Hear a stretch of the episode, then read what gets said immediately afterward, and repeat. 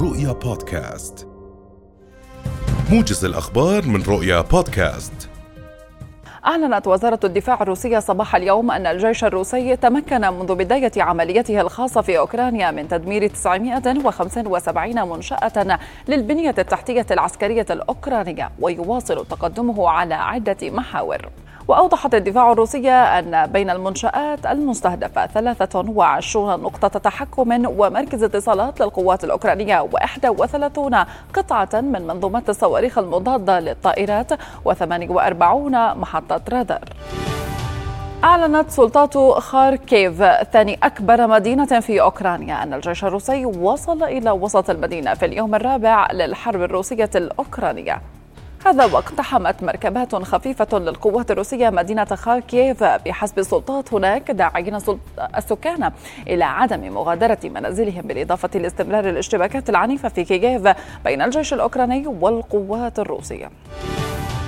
أمر وزير المواصلات الألماني الليلة الماضية بترتيب جميع الإجراءات اللازمة استعدادا لإغلاق المجال الجوي الألماني أمام الطائرات الروسية إثر العملية العسكرية في أوكرانيا. وبحسب وكالة الأنباء الألمانية تنضم ألمانيا إلى بولندا وتشيك وإستونيا وإستوينيا وبلغاريا التي أغلقت مجالها الجوي أمام الطائرات الروسية.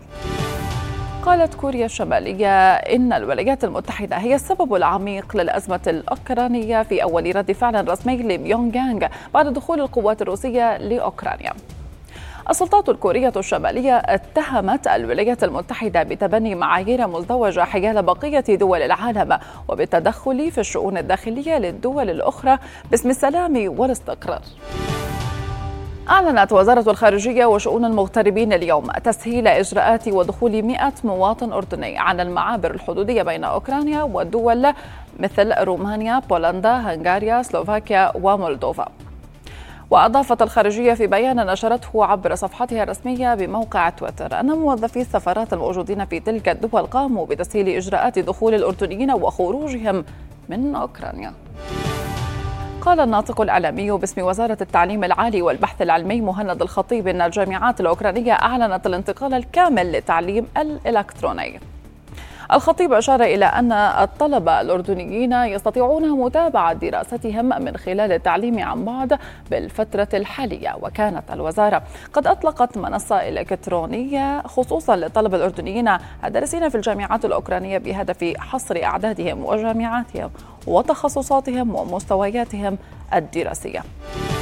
شرع مجلس الأعيان اليوم بمناقشة مشروعي قانوني الموازنة العامة وموازنة الوحدات الحكومية للسنة المالية 2022 وسيستمع المجلس إلى قرار لجنته المالية والاقتصادية بشأن مشروعي القانونين ثم سيستمع إلى رد الحكومة ليصار إلى التصويت عليهما.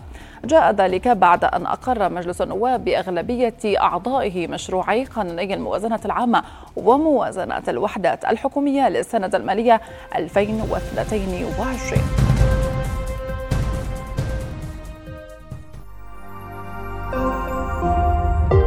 رؤيا بودكاست.